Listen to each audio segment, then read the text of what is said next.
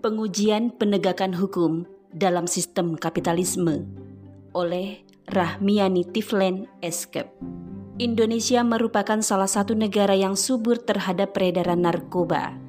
Hal tersebut terlihat dari tingginya tingkat prevalensi narkoba setiap tahunnya.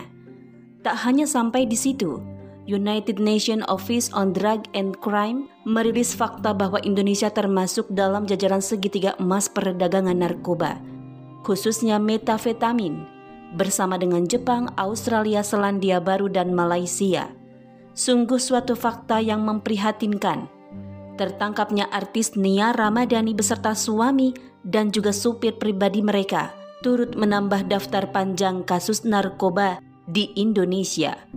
Namun yang menjadi sorotan adalah belum lagi tuntas penyelesaian perkara melalui sidang pengadilan, tapi kedua tersangka telah mengajukan permohonan rehabilitasi dan hal tersebut akan dikabulkan. Sebagaimana keterangan yang disampaikan oleh kuasa hukum keduanya, yakni Waode Nur Zainab, menurutnya Nia dan Ardi adalah korban dari penggunaan narkoba dan merujuk pada Undang-Undang Nomor 35 Tahun 2009, maka rehabilitasi wajib diberikan kepada korban penyalahgunaan narkoba. Sementara itu, Kapolres Jakarta Pusat Kombes Hengki Haryadi ikut menegaskan hal tersebut. Katanya, penyidik tetap akan memproses hukum terhadap Nia Ramadhani dan Ardi.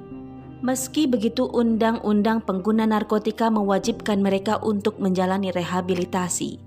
Dalam pasal 127, sebagaimana yang hasil penyelidikan kami tentang pengguna narkoba, diwajibkan untuk rehabilitasi itu adalah kewajiban undang-undang. Kemudian dengan rehabilitasi bukan perkara tidak dilanjutkan. Perkara tetap kami lanjutkan. Kami bawa ke sidang nanti akan difonis hukum di mana ancaman maksimal adalah 4 tahun. Dan kemudian untuk rehabilitasi bukan dilaksanakan oleh penyidik. Alih-alih menetapkan hukuman berat sehingga menimbulkan efek jera bagi pelaku penyalahgunaan narkoba. Tapi sebaliknya, aparat justru terkesan memberi kelonggaran dengan dimuluskannya jalan rehabilitasi. Dalihnya, karena mereka adalah pemakai dan juga korban bukan sebagai pengedar. Sehingga timbullah keraguan dari masyarakat yang menganggap bahwa aparat kepolisian terkesan bertindak tidak sebagaimana mestinya dan juga mengistimewakan sepasang publik figur tersebut jika saja kasus yang sama dilakukan oleh kalangan biasa maka sudah barang tentu penanganannya pun tegas dan berbeda.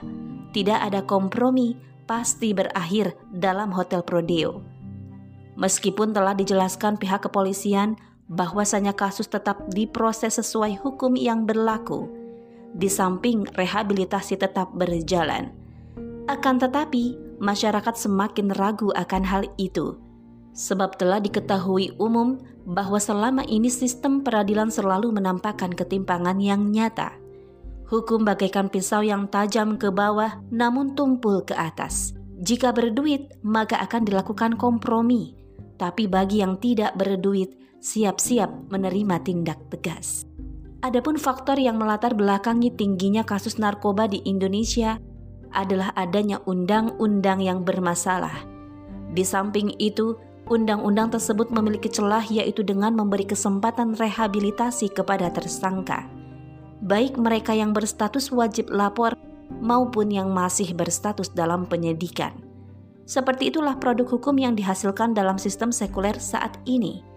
Aturan dibuat dengan berbagai kepentingan, tidak bersifat komprehensif, namun hanya parsial saja. Undang-undang pun ditetapkan untuk kemudian dilanggar kembali Sungguh suatu ketidakkonsistenan yang nyata. Betapa sekularisme telah menjadi sarana bagi tumbuh suburnya bisnis maupun peredaran narkoba di dunia. Hal ini terbukti dengan adanya temuan jumlah yang sangat banyak hingga bertonton narkoba masuk ke Indonesia. Sayangnya, hal tersebut lagi-lagi luput dari pengawasan aparat. Ada pula fakta tentang tanaman ganja yang kian subur sampai berhektar luasnya bahkan disertai dengan pabriknya. Tapi selama ini bahkan tidak terdeteksi sama sekali. Tentu, semuanya menimbulkan pertanyaan tersendiri. Bagaimana mungkin semua itu tidak diketahui aparat? Atau bisa jadi justru aparatlah yang menjadi kaki tangan atas penyebaran narkoba. Di samping itu pula, adanya faktor liberalisme atau kebebasan dalam segala hal. Paham ini kemudian menyasar para generasi muda, sehingga dalam perilakunya mereka bebas melakukan apa saja. Lalu diperparah dengan kurangnya pemahaman agama, maka hilang sudah kewarasan dalam bertindak.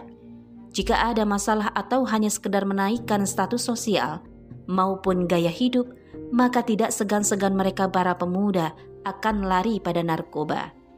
Kendati kerusakan yang diakibatkan oleh narkoba terus menggerogoti rakyat, disertai tingginya angka kriminalitas sebagai dampak dari digunakannya zat adiktif tersebut, hingga memicu siapa saja baik individu maupun masyarakat untuk bertindak di luar batas kemanusiaan. Siapa pun yang telah masuk dalam jaringan narkoba, maka sulit untuk melepaskan diri dari cengkeramannya, bahkan bisa masuk dalam sindikat kejahatan kelas kakap, yang kesemua itu semakin sulit diberantas. Islam menetapkan suatu aturan komprehensif yang mengatur seluruh aspek kehidupan umat, tidak terkecuali dalam masalah penegakan hukum. Yan S. Prasetyadi, selaku pakar hukum Islam, menyebutkan bahwa terdapat empat solusi dalam penanganan narkoba secara tuntas, yaitu pertama, dalam Islam ketakwaan individu menjadi hal penting Sebab siapa pun dia jika bertakwa maka senantiasa akan terpelihara dari kemaksiatan. Termasuk terhindar dari perilaku penyalahgunaan narkoba, baik itu pemakai, pengedar, ataupun yang memproduksinya. Jikapun memiliki masalah, maka bukan narkoba yang dijadikan sebagai pelarian, melainkan semakin mendekatkan diri kepada Allah Subhanahu wa Ta'ala. Yang kedua, Islam dalam penerapannya sebagai suatu negara akan senantiasa menjamin seluruh kebutuhan pokok rakyatnya, baik itu sandang, pangan, juga papan. Negara pun menjamin ketersediaan pendidikan, kesehatan, dan keamanan yang memadai, sehingga masyarakat dapat lebih fokus pada pemenuhan kebutuhan sehari-hari tanpa terbebani oleh himpitan ekonomi. Ketiga, dengan adanya sistem sanksi atau ukubat yang tegas serta menimbulkan efek jera bagi setiap pelakunya, tidak terkecuali dalam hal penyalahgunaan narkoba, baik itu pemakai maupun pengedar serta produsennya. Adapun dalam proses penetapan sanksi takzir, maka diserahkan pada kewenangan khalifah dan juga kodi atau hakim yang akan menetapkannya berdasarkan ijtihad hukuman akan disesuaikan dengan ketentuan syariah berdasarkan tingkat kejahatan yang dilakukan. Apabila pengguna saja dihukum demikian berat, terlebih seorang pengedar atau produsen, mereka bisa saja ditetapkan dengan hukuman mati sebagaimana putusan kodi. Hukum dalam Islam bersifat adil, tegas dan tidak memandang status sosial, apakah dia seorang masyarakat biasa, publik figur, politisi, ataukah pengusaha. Keempat, penunjukan pada aparat penegak hukum yang bertakwa, sehingga tidak akan ditemukan kerjasama antara aparat dengan para mafia narkoba.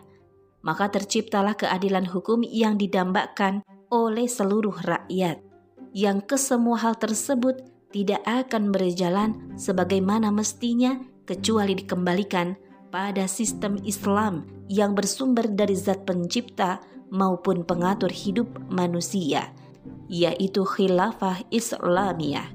Wallahu a'lam bisawab.